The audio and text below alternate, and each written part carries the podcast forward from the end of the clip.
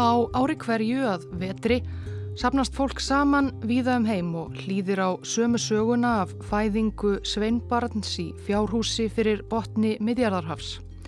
En það bar til um þessar myndir og svo framvegis. En þó að sagana fæðingu Jésu Krists í Betlehem sé sögð bæði í Matteusar og Lukasar Guðspjöllum biblíunar var fyrstu áhangendum hans, kristnum mönnum, ekki sérlega umhugað um að halda upp á fæðingardag frelsarsins. Efst í huga hérna fyrstu kristnu manna var frekar dauði hans og upprisa. Það var ekki fyrir en svona um árið 200 eftir krist sem menn byrjuðu að pæla af alvöru í fæðingu frelsarhans. Til dæmis, hvenar gerðust þessir atbyrðir í Betlehem, hvenar var frelsarinn fættur? Guðspjöld Linsla á því ekki föstu. Ímsar kenningar voru á kreiki 25. mars, 20. mæ, 19. april 7. janúar var mörgum lengi hugleikin en flestir töldu það þó frekar dægin sem Jésúbarnið var skýrt í ánni Jórdan. Um miðbygg þriðjualdar var svo dagsetningin 25. desember orðin vinsælust sem fæðingardagurinn meðal kristina spekinga af ymsum og óljósum ástæðum. Eitthvað upp úr því fóru kristnir menn að minnast þessa dags ár hvert. Fyrstu hátíðarnar voru lágstemdar. Það týðkaðist hvort eða er ekki endilega að halda mikið upp á amalistaga. En eftir að Konstantín Rómarkesari gerði kristni að ríkistrú Rómaveldis 312 færðust hátíðahöldin smátt og smátt í aukana og þá var ljóst að 25. desember hafði orðið ofan á í dagakarpinu. Rómverjar áttu ekki erfitt með að taka nýja háttíð upp á arma sína um þetta leiti árs því þetta hafi verið þeim mikill hátíðatími öldum saman.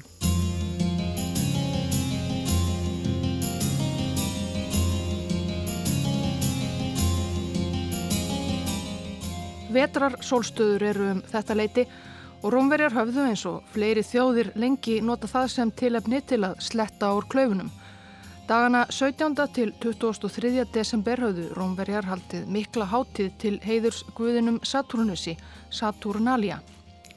Það var mikið stuð sem engjandist af veistluhöldum og gjöfum og þar sem það bannaða varð leifilegt eins og fjárhættuspil. Í raun var öllu snúið á kvolf, herrar þjónuðu þrælum sínum og svo framvegis. Fæðingar hátíðin 25. desember vann á. Justinianus keisari austrómverska veldisins gerði dægin að opimberum hátíðistegi í ríki sínu 529. Hátíðahöldin urðu veglegri í kjölfarið. Fæðingarháttíðin var þarna orðin að næst helgasta tíma ársins í kristindómi. Komið var á förstu tímabili í aðdraganda hennar, líkt og gert var á helgasta tímanum páskum, aðvendan. En það voru ekki bara romverjar sem eitt sinn heldu upp á vetrarsólstöður með miklu stuði. Það gerðu flestar þjóðir Evrópu fyrir komu kristninar. Ærin ástæða til að gera sér gladan dag þegar striti uppskerunar var lokið og myrkrið heldist yfir. Jável eftir að fæðingarháttíð Krists fór að festa sér í sessi í Evrópu, eimdi enn eftir af ymsum eldri háttíðar hefðum heðninar, svo sem að gefa gjafir, príða heimili og götur með greinum og öðru skrauti og jú bara almennt að gera sér gladan dag. Nokkuð sem fórreindar alls ekki saman með hugmyndum kirkjuherra um ginn heilaga og graf alvarlega fæðingarháttíð. Gregorius frá Nasiansus, erkibiskup í Konstantinóbel á ofanverðri fjórðuöld, saði þannig nexlaður í pretikun árið 380.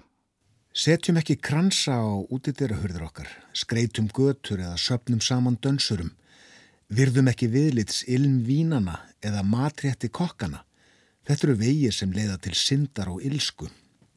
Pretikanir og sendibref kirkjuleðtoga frá þessum tíma eru uppfullar af álíka ítrekkunum til hinn að óbreyttu trúmana að láta af öllum gömlum heiðnum síðum og gleði. En það voru sem sagt ríkar ástæður fyrir því að fólk hafði öldum saman lift sér upp yfir myrkasta tíma ársins í Evrópu og erfitt að fá fólk til að hætta slíkri skemmtun. Kirkjunarmenn urðu að gefa eftir. Þegar Gregorius Páfi sendi trúbóða til Breitlands að freysta þess að kristna hinn að germönsku engla árið 597 skrifaði hann að trúbóðarnir mættu leifa englum að halda ákveðnum hefðum sínum svona fyrstum sinn, svo sem að fórna nautgripum, svo lengi sem fórnirnar yrðu með tímanum Guði og Jésu til dyrðar en ekki heiðinum goðum. Með álíka tilslökunum innlimaði fæðingarháttiðin ímsar gamlar sólstöðu og uppskeruháttiðar hefðir hér og þar um heiminn.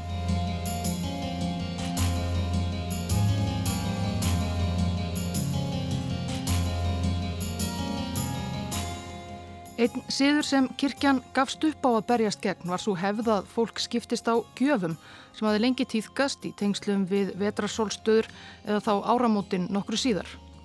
Kirkjunar menn höfðu lengi reynd að fá fólk til að gefa bara ölmusu frekar en að deila át gjöfum hingað og þangað en það gekk bara ekki. Ákveðin millivegur fannst loks allavega hvað varðaði gjafir til barna yfir hátíðarnar. Gjafir væru ásættanlegar ef framkæmi að það væru hinnir ímsu dýrlingar kirkjunar sem sendu börnum gjafirnar á einhvern undraverðan hátt. Þeir voru jú dýrlingar. Alls konar dýrlingar sendu í kjölfarið börnum gjafir á miðöldum, Santi Barbara og Santi Lucia, dýrlingarnir þrýr sjálfur sem höfðu fært Jésúbarninu gjafir, en að lokum var þeinn dýrlingur lang stórtækastur í þessum bransa. Á ofanverðri þriðjöld fættist Svein Barnin í auðuga gríska kristna fjölskyldu í borginni Patara á miðjarðarhafströnd Tyrklands. Sveitnin Nikolás erfiði auð foreldrana eftir þeirra dag en hann var sko ekki típan sem eitti öllu í heiðin veisluhöld eða gjafir. Hann var sann kristinn og gaf auð sinn fátækum. Eitt sinn var þá vegi hans trúbróðir sem hafi mist allt sitt gað því ekki borgað heimannmund með dæturum sínum þremur svo að þær myndu aldrei giftast og líklega enda sem vændiskonur á gödum Patara. Nikolás Hóvær kastaði þremur sekkjum fullum af gullpenningum innum glukka á heimili feðginana í skjóli nætur sem nægði til að fadurinn Ólánsami gæti gift allar þrjár dætur sínar. Síðar ferðaðist Nikolás okkar til landsins Helga og var gerður biskup í annari tyrkneskri borg Mýru. Hann held áfram að gera góðverk, bjargaði þremur saklausum mönnum frá aftöku og eitt sinn þegar hann var á ferðum svæði þar sem geisaði hungursneið var þann vitni að því að slátrari lokkaði þrjú ung börnin í húsitt, myrti þau og lagði leifar þeirra í salt til að selja síðan sem skingu. Nikolás gekk inn í húsið og gerði krossmark yfir söltunartunninni svo að börnin lipnuðu við. Nei, þessi síðasta saga alltjent er líklegast ekki sönn, en hún er ein af þeim sögum sem gerðu það verkum að Nikolás þessi, sem lítið er vitað um með vissu í raun, ef hann var yfirleitt til, hann var þá miðöldum einn af dáðustu dýrlingum Kristinar kirkju. Nikolás var verndardýrlingur sjómanna, kaupmanna, þjófa, tunnugerðarmanna, svo mætti lengi telja og auðvitað barna. Svo það er kannski ekki að undra að það var hann sem helst sendi börnum litlar gjafir á jólum og í aðdraganda jólaháttiðarinnar á miðöldum. Börn báðu bænir til Nikolásar að gefa þeim hitt og þetta og aðfaranótt messudags hans 7. desember skildu jáfnvel eftir skó út í klukka sem hann gæti laumað í gjöfum að næturlægi.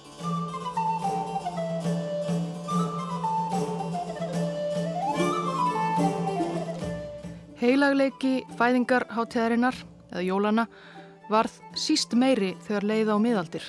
Ímsir gamlir síðir, heiðnir eður ei, fengu að grassera með fram hinnum kristnu hátteðahöldum og almennt virtis sem almúa Evrópu hafi þótt skemmtilegra að gera sér gladan dag í skamdeginu en að hanga í messum og öðru helgihaldi, hvað sem klerkarnir sögðu og ekki bara almúanum svo sem.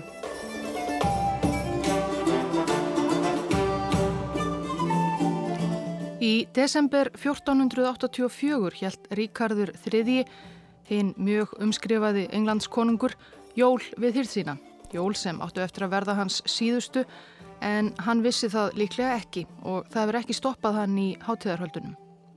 Til eru nokkrar heimildir um að jólahaldið við hýrð Ríkards III 1484 hafi þótt sérstaklega nexlandi þeim sem örðu vitni að, allavega miðað við móral þessa tíma. Tónlist var leikinn sem ekki var öll af trúarlegu tægi. Holdlegar nautnir voru í fyrirrúmi en ekki þær andlegu, skrifaði einn trúmaður við hyrðina. Annar, sagnarittarinn okkur, gati ekki orða bundist yfir partistandinu. Það var margt sem gerðist sem ekki ritaði í þessa bók, því svo skammalegt er að minnast á það.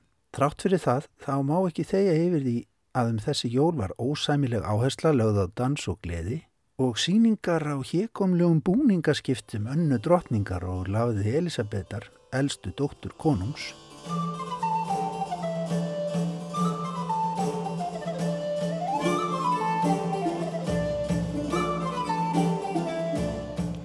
Ekki nóg með að konungar höguðu sér eins og jólafíbl, kirkjunar eigin menn gerðu það líka.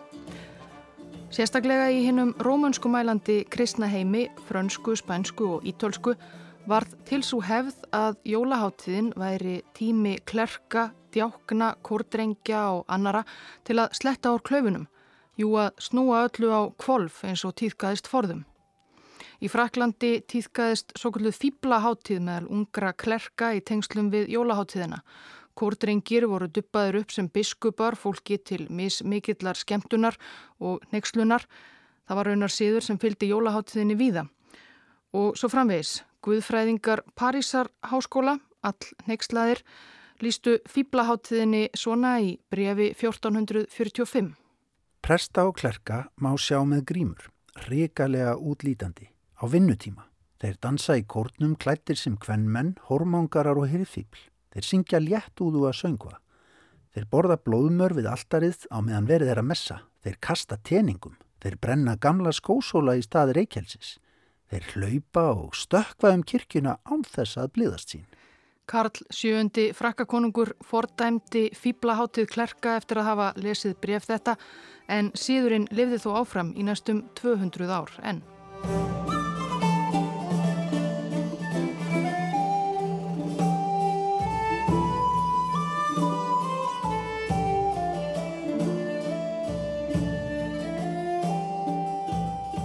1517 gaf Martin Luther út 95 greinar sínar í Þýskalandi og í kjölfarið fór mótmælendarhefingin að reyðja sér til rúms í Evrópu.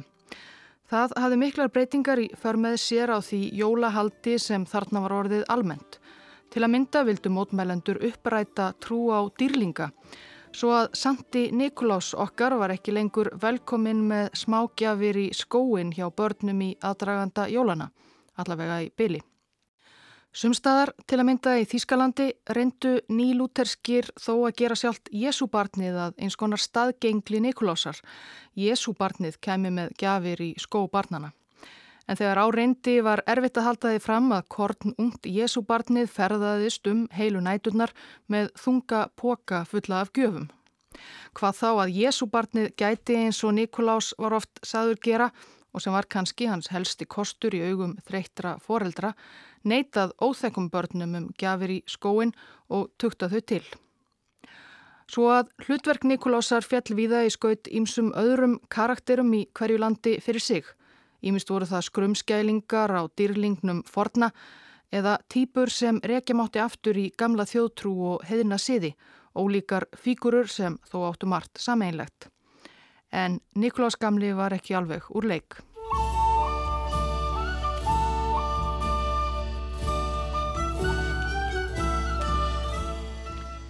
Margir mótmælendur voru raunar fylgtir stakasta óþóli á jólaháttiðinni, sérilagi því partistandi og almennu glensi og gleðskap sem innkendi orðið háttiðahöldin.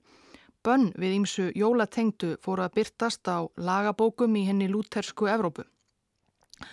Jólahatriðu var mismikið og oft kom til tókstreitu. Á Breitlandsegjum til dæmis skotar voru fljótir að gerast mótmælendur og óðir og uppvægir ráðamenn hötuðust út í allt jólatengt. 1574 voru 14 konur í Aberdeen handteknar fyrir að dansa og syngja jólasálma sem þóttu ósýðleir. Tveimur áratugum síðar var skoskum bökurum bannað að baka sérstök jólabrauð sem týðkast höfðu í Skotlandi lengi. Á meðan var Elisabeth fyrsta englandsdrottning að festa mótmælendatrú í Sessi suður á Englandi en hún kunni þó að meta jólinn og helt óbreyttum við hyrð sína ómissandi jólasíðum eins og að stunda fjárhættuspil og láta veiðihunda elda saklausa ketti um hallarganga. Hreintrúarstefna, mótmælenda og jóla andstaða var þó sífælt að færast í aukana.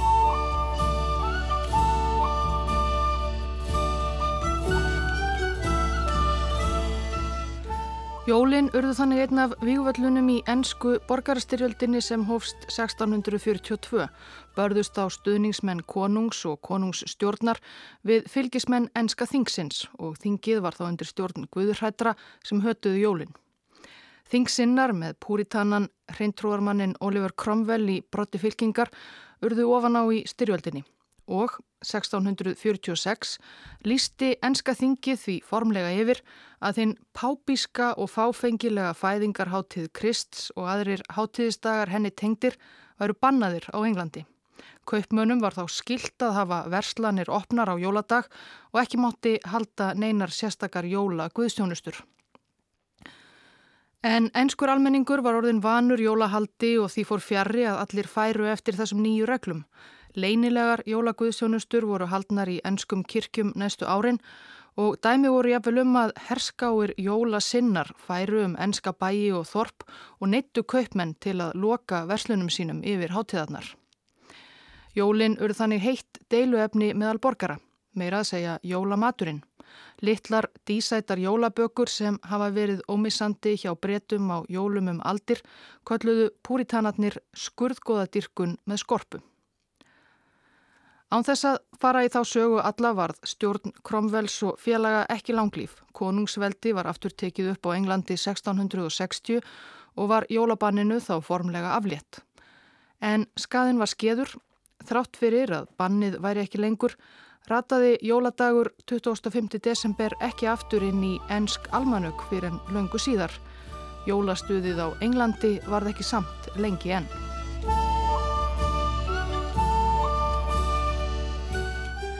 Áður en enska borgarstyrjöldin brast á og jólasinnar og andjólasinnar áttust við á götum enskra bæja og borga hafði talsverður fjöldi reyntrúaðara mótmælenda, Púritana, ákveðið að í stað þess að reyna að eiga við hina að þeirra mati gjörspiltu ensku biskupakirkju, skildu þeir yfka trú sína í friði annar staðar, nýju fyrirheitnu landi handan Allandshafsins.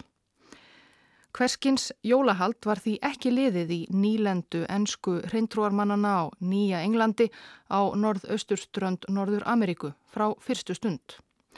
Landnimadnir frá Evrópu sem lendu á amerískum ströndum um borðið skipinu Mayflower sent í november 1620 fyrstu jólunum vörðu þeir við uppbyggingu nýlendu sinnar í Plymouth.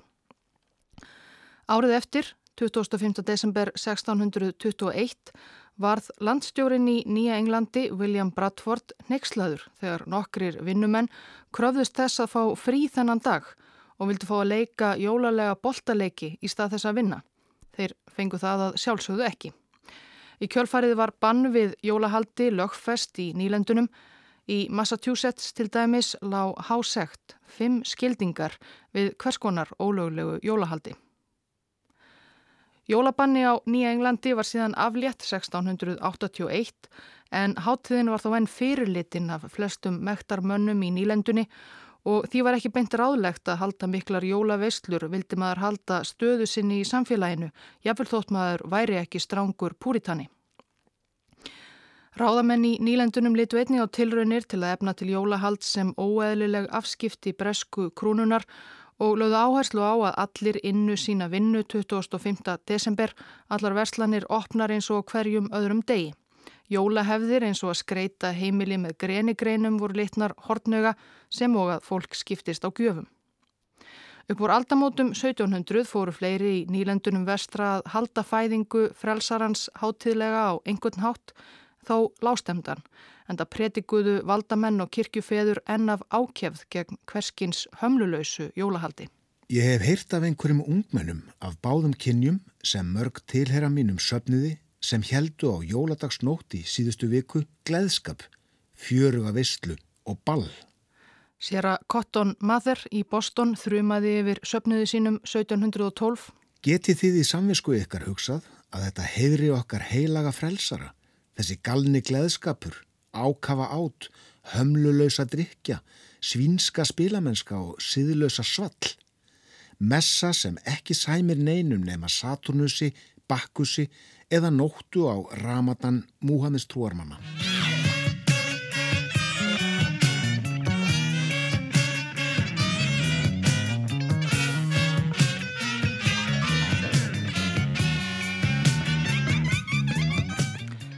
En þrátt fyrir slíkar þrumuræður tókst síðapostulum Vestanhafs alls ekki að útrýma jóla ósýðum landsmanna.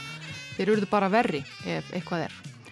Áfram þóttu jólin ekki sérstaklega fín háttíð hjá efristjettum en lægristjettir heldu þess meira upp á jólasíði eins og að ganga hús úr húsi og sníkja peninga eða heimta öllu frekar og fara fylgtu liði um götur lemjandi á potlokk, katla og önnur búsáöld og syngja ósýðlega jólasöngva og almennt hömlulöst fyllir í. Það hjálpaði lítið til að sumar áfengisverslanir og krár buðu gestum og gangandi upp á ókipis veigar í tilefni hátíðana svo fólk hætti verið ölvað frá morgni til kvölds með lítilli fyrirhöfn. Þegar 19. öldin gekk í garð tók Jóla ringulreiðin á sig enn dekkri mynd í bandaríkunum. Fyrir kom þá að Jóla skrill beindi spjótum sínum að nýlegum innflytjandum, svörtu fólki og öðrum minnihlutahópum. Á aðfangadag 1806 réðist múurinn í miðnætturmessu í kathólskri kirkju í New York með ólæti. Dægin eftir á jóladag gekk sami hópur bersesgangi í Írsku hverfi borgarinnar. 1828 leistist háfaðasum jólaskrúðganga í verkamannakverfinu Báari upp í almennt ofbeldis svall og múurinn réðst meðal annars inn í Blökkumannakirkju. Múurinn braud alla glukka, hörðir og sæti og batt reypi í veggi til þess að reyna að rýfa niður kirkjuna. Þegar reypin reyndust ekki nógu sterk, hættu þeir og beindu ofbeldi sínu gegn aumingja blökkufólkinu sem er eldu í allar áttir og lömdu með pregum.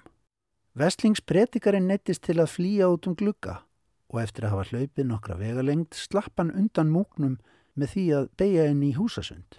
Á að láta slíkt aðtæfi líðast hér í New York.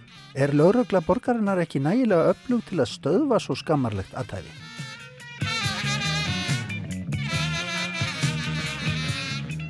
Frá Fíladelfíu jólin 1833 Óspektir, háreisti og uppþott, stjórnlust og sleitulust á mörgum okkar snirtilegustu götum, stráka gengi spangóluðu eins og þeir væru andsetnir djöplum. Þetta var orðið alþjóðlegt vandamál líka. Klerkur í Quebec í Kanada kallaði jólinum svipað leiti þann tíma árs sem mest er um gjálífi, skemtanastand og óreglu. Og í Ástralíu vörðu menn einning jólum við óspektir og almenna óreglu. Jólin eru tími glóðurauga og blóðröður af anga. Verkamenn hanga á börunum og ná sér eftir síðustu drikkitúra. Af og til fluttir í döðaherbergið baka til að sofa úr sér.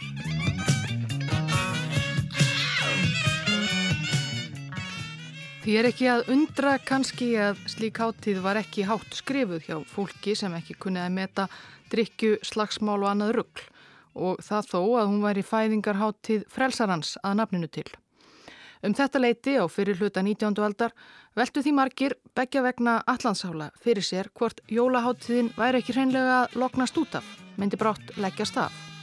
Og kannski væri það bara best þannig.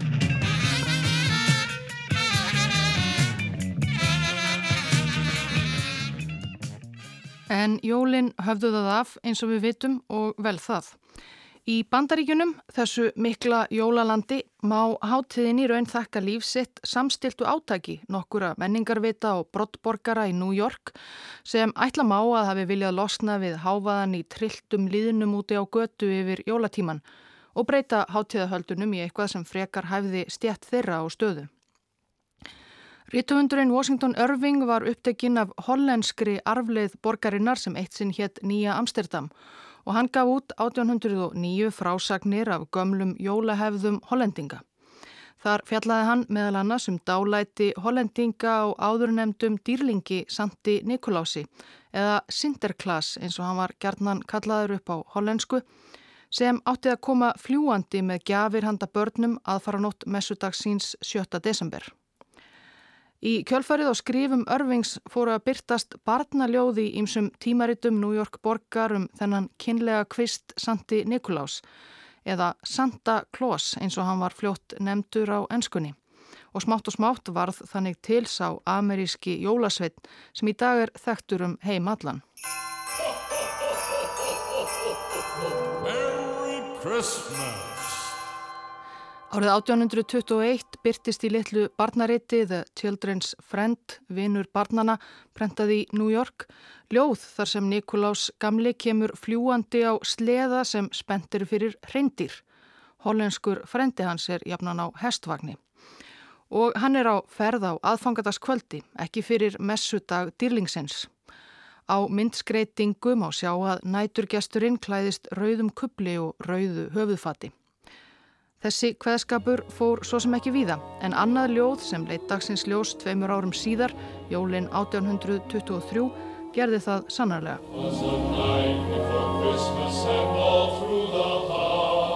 Á aðfangadaskvöldið var alveg kyrlátt hús. Þar ekki var á reyfingu svo mikið sem mús. Við strompin hengu sokkar því sagt var okkur þar að sjálfur kæma Nikolás með jólagjafinnar.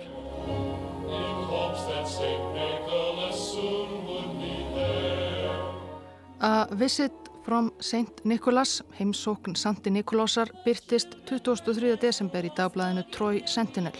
Hér í íslenskri þýðingu Sigurðar Júliusar Jóhannessonar úr Jólablaði unga Íslands 1931.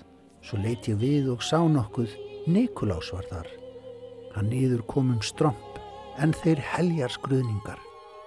Hann klættur var í gærur frá toppi niður á tær, en tjöru svartar allar af sóti voru þær.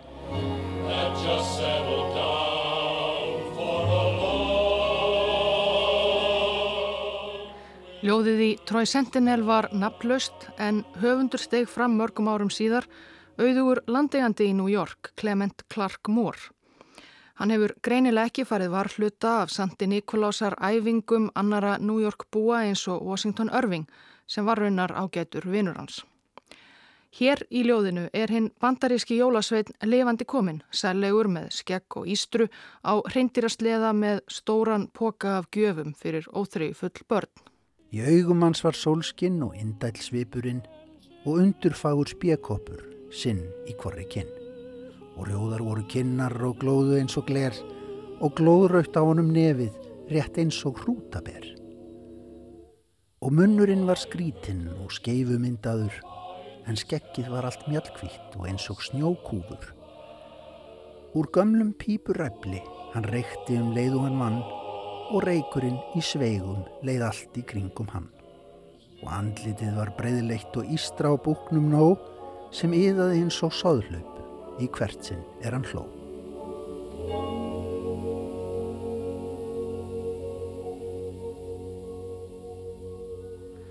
Heimsókn Santi Nikolásar sló í gegn meðal barna og fullorðina um leið. Ljóði var prentað aftur og aftur í blöðum, tímaritum og bæklingum um öll bandaríkin var á endanum eitt af þekktustu ljóðum bandarískrar bókmyndasögu. Margir stukku til og nýttu sér vinsældir ljóðsins og titil personunar og teiknaði henni myndir, sömdu fleiri ljóð og sögur. Nýji jólasveitnin, Nikolás eða Santa Claus, var þannig ekki lengur aðeins hugðarefni einhverja brottborgara í New York. Hann var kominn til að vera. Og meðfram því fóru bandarískar fjölskyldur í miljónatali að tilenga sér þær hefðir sem líst er í ljóði mórs Börn hengdu upp sokka og byðu þess að sá kvít skeggjaði laumaði sér niður skorsteinin að fara nótt jóladags og setti í þá gjafir. Strax um miðja 19. öldina var slíkt jólahald orðið svo almennt viðsögar um landið að bandarískir kaupmenn gerðu margir út á jólaverslun og auglistu sérstaklega gjafavöru fyrir jólasveina heimilana. Með fram þessu var tekið á hinnum gömlu jóla skrílslátum vestanhafsaf aukinni hörku og þau dóu smátt og smátt út. En það lítill tímiliklega til að drekka frá morni til kvöld, sprjóta allt og bramla þegar finna þurfti jólagjafir, skrifa jólakort og sinna fleiri nýjum hefðum sem hrönnuðust upp. Jólinn voru að taka stakkaskiptum frá fyllirísháttíð í háttíð fjölskyldunar og verslunumanna. Although it's been said many times, many ways, Merry Christmas to.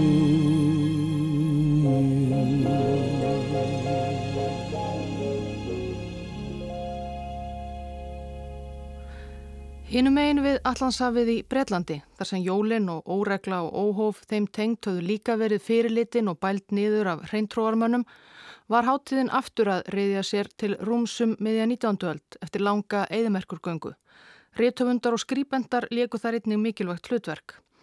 Meira segja New York búin áður nefndi Washington Irving, en hann var einn fyrsti bandaríski réttöfundurinn sem öðlaðist verulega fræði í Evrópu. Nokkrar smásögur hans sem lýsa friðsælu og hátíðlegu jólahaldi á ímynduðum ennskum herragarði komu mörgum lesendum á Breitlandsegjum í jólaskap. Verk Örvings veitu meðal annars einum ennskum höfundi inblástur, Charles Dickens, sem gaf út jólasögu sína fyrir jólinn 1843.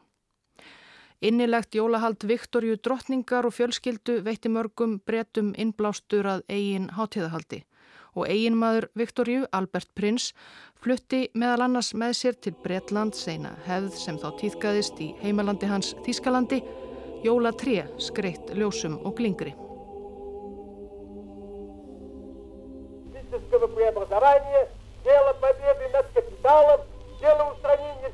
Þetta er það. Búið til því að náni þá pæðirna vakansa.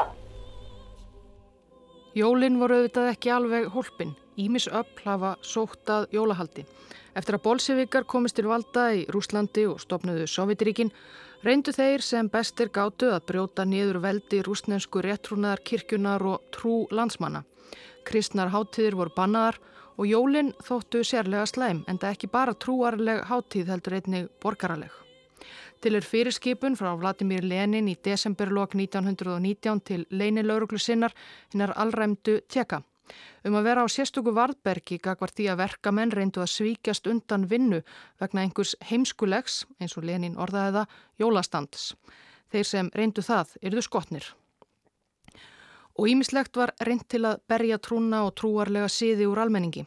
Kvöldið 7. janúar 1923 aðfangadag jóla samkvæmt tímatali Östurkirkjunar voru haldnir í Moskvu og víðarum Sovjetríkin ofsafengnir og andtrúarleir fjöldafundir sem kallaðir voru komsomól jólin í höfuðið á ungliðarhefingu sovjerska kommunistaflokksins.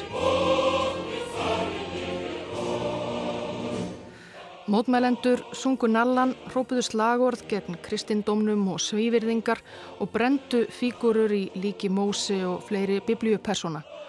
Fundinir enduðu þó margir með allserjar fyllir í æstra ungliða svo að komsomóljól voru ekki haldinn með sama hætti aftur. Rússar áttu orðið sinn eigin jólasvein, Diet Moros eða Ava Frosta. Hann var byggður á gömlum slavneskum þjóðsagnaverum en svipaði mjög til svenka með mikið kvít skegg og ferði börnum sem það áttu skilið gjafir í kringum hátíðarnar. Diet Moros þótti einnig borgarlegur og var bannaður 1928, útrópaður sem bandamaður presta og kúlaka. En Jósef Stalin sáðalokum ágæti þess að hafa einhvers konar háttíð fyrir líðin að ordna sér við í versta vetrarfrostinu. Frosti Afi komst aftur inn úr kuldanum upp úr 1935 þegar áramótin urðu að eins konar trúlausum jólum Sovjetríkjana með gjöfum og trjám og öllu tilherrandi.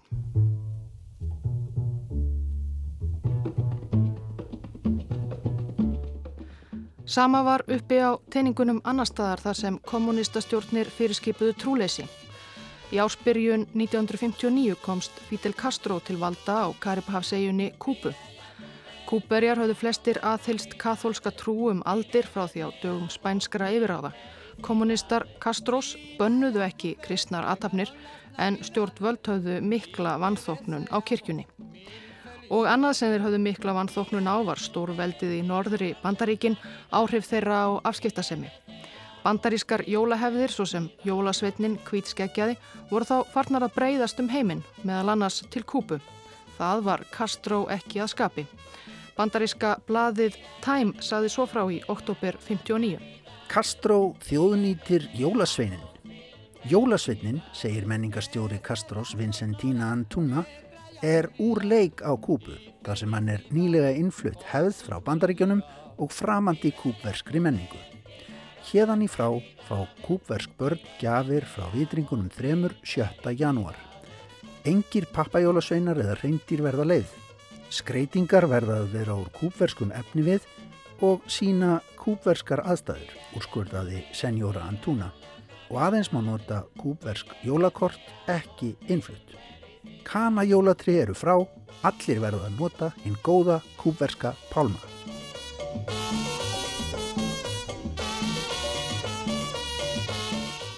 Kúbverjar fengu því áfram að gera sér gladan dag bara svo lengi sem engin væri jólasveitnin, en þó bara í ára tug. 1969 stóð kúbverskur efnahagur ítla. Efnahagsaðgerðir kommunista hafðu ekki borið mikinn árangur og heimsmarkaðsverða og helstu útflutningsvöru kúpu Sigri hafði lækkað mikill.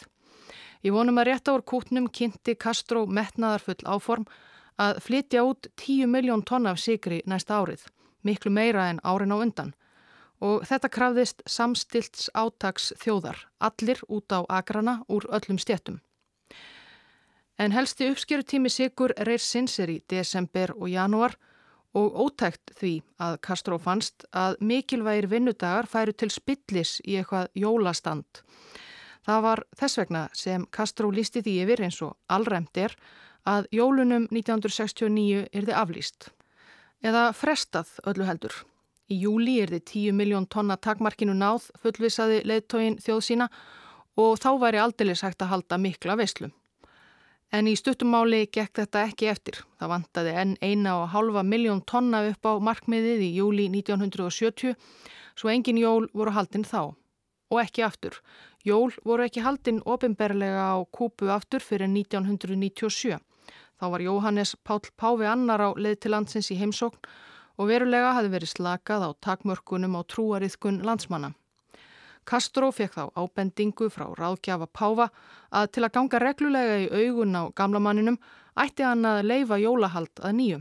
Heimsókn Páfa væri einmitt stuttu eftir hátíðarnar í februar. Castro að sögn ráðgjafans var skeftiskur en félst þó að endanum á að leifa jólinn að nýju. Svo nú eru haldin jóla á kúpu eins og svo víða, víða annar staðar.